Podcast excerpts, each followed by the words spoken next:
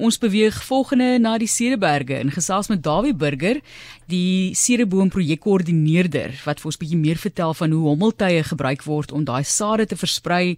Hy's ook betrokke in landbou en toerisme in die Cederberge. Baie welkom aan jou Dawie. Ja, baie dankie.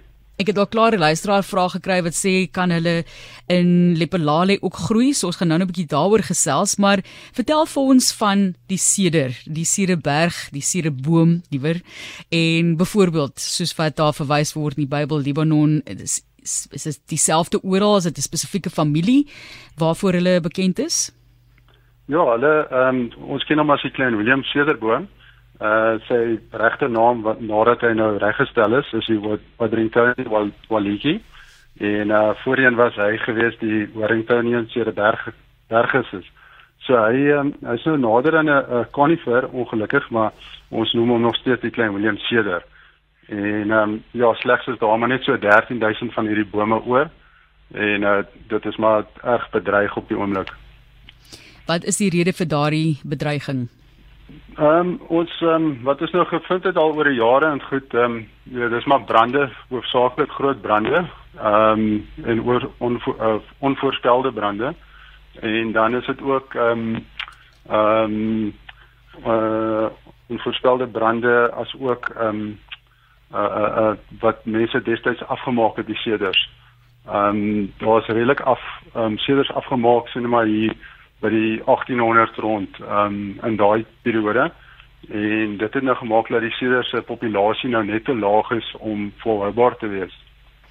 En die beweeg mense beweeg nou hierso daai vallei van Olifantrivier tot by die Atlantiese kus en dit is 'n groot deel van die Kaapse blomme koninkryk.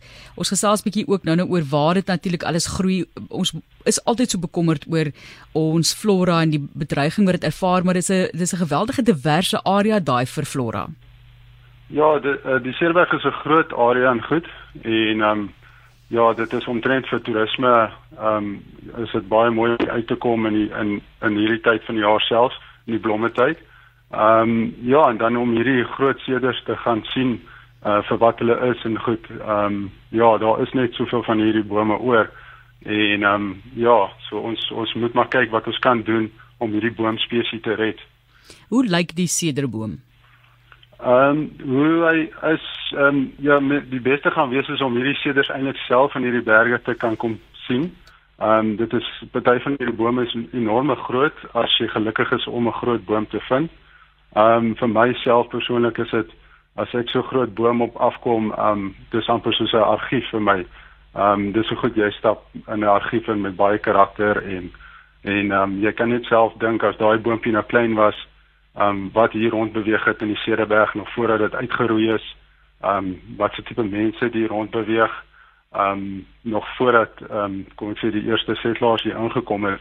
Ehm um, ek dink die oudste boom wat ons van weet is omtrent hier oor die 500 jaar oud. Ehm um, so ja, dit dis iets besonders. Ehm um, ja, die die bome groei tussen die rotse. Ehm um, en dit is baie keer baie moeilik om uit te kom en dis waar ons nou juis met hierdie projek begin het.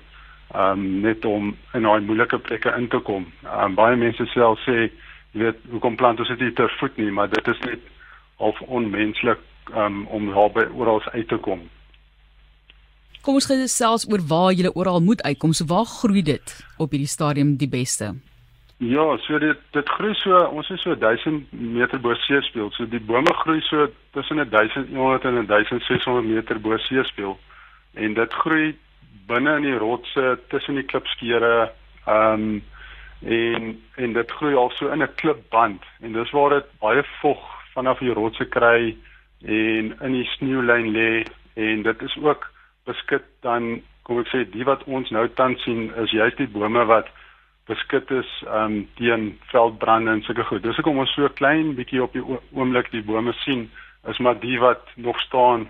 Hulle staan op al veilige plekkies en, en dit is juist waarop ons fokus is om te leer van hierdie wat ons nou wel sien en dit meer op plekke te kry waar ons hierdie eilandjies kan vestig waar die brande sukkel om te brand waar baie min plante groei is.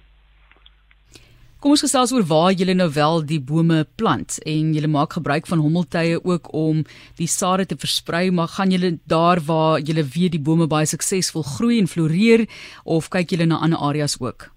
Ja, so ons ons ons fokuspunt is eers om te kyk na waar die geskikte areas is waar waar die bome nou kan goed floreer.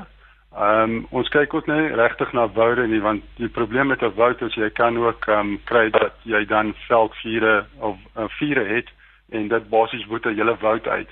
Die grootste ding is ons kort saad wat versprei word ehm um, verder en op groter skaal op verskillende plekke. So ons kyk na juis hierdie eilandjies dat jy sulke eilandjies eerder het uh in plaas van woude en dan gebruik ons die hommeltuie om basies um na die strategie na die strategiese planne basies kan vas lê op hierdie beter plekke. En ons praat nou van beter plekke. Gesels met ons oor die luisteraar vraag Dalende Plooi wat wil weet kan ja. mens die sedeboomstaat ook in Lepelale suksesvol kweek? Ja, kyk, die sedersaad, dis nie dis nie moeilik om om dit uh, te ontkiem of so nie. Ehm um, waar dit waar dit nou seder wil hier bo in die berge hoog staan. Uh dit soek maar koue en vir die eerste paar jare, die eerste 4, 5 jare soek hy maar uh baie skare weer. Uh die wat in die son staan, hulle oorlewing is baie min minder. So ehm um, ek sal sê dit ja, ehm um, uit en uit koue hoogte soek dit rotse, dit soek vog. Ehm um, so deur die dag kan jy die hitte hê van die son op die rots maar die ander trek daai rots weer al daai vog uit uh, althans die seder sorry die seder trek al die vog uit die rots uit en hy soek maar sy ehm um, mikrobiese organismes en goed onder die rotse. So sodra daai seder ontkiem het skiet hy daai daai penwortel en hy hy klim onder die rotse in. Ehm um, so ja ander plekke soos mense groei seders baie keer jy weet um, by hulle huise so. Hy sal vir 'n paar jaar gaan maar daar's baie swamme en sulke goed betrokke En dan ook wat ons vind is 'n seder hou ook nie van die valleie nie. Dis waar ons kom ek sê een keer in 20 jaar ehm um, swart ryk kry en hy sal die seder heeltemal uithaal. Dis so goed 'n vuur het verby hom gegaan en al sy blare gebrand. Ehm um, so ja, dis maar ons leer deur die jare. En dan verder ehm um, vind ons ook maar uit by al hierdie ehm um, botaniste en die kenners en goed en al hulle papiere wat hulle al geleer het van die seders en ons probeer dit nou baie meer toepas en en half die doeners die doeners daarvan wees.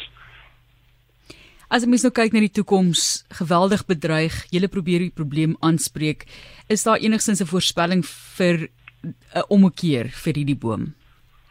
Ja, dit dit is juist nou waar ons met hierdie gekom het, ehm um, oor dat ons as ons nie iets gaan begin doen nie, want want hoe hoe ek dit sien is ons kry al hierdie passievolle mense hier in die Cereberg en almal ehm um, maak 'n bydrae tot die Cereberg. Dis nou van bewaring van van enigiets hier in die area. Maar so gaan die tyd aan en en op die op nie die lekker deel af van hier is jy weet ons het onlangs uh, Rudolf Andrag wat baie lief was vir seders het ons nie meer met ons nie en um, Patrick Lane dieselfde van Cape Nature. En die passievolle mense um jy weet um mens moet hulle gebruik terwyl hulle daar is. En ons moet begin doeners raak veral met al die universiteite se papiere wat oor die seders gaan. Ons moet fisies daai ehm um, netwerk gebruik ehm um, tot ons voordeel vir die seders en en die hele projek gaan eintlik net oor die resultate van die sederbome en dit is waar ons hande en brûe bou met mekaar en 'n lekker netwerk bou sodat ons dalk by sukses uitkom. Ons ons gaan nie weet nie maar ons moet ten minste probeer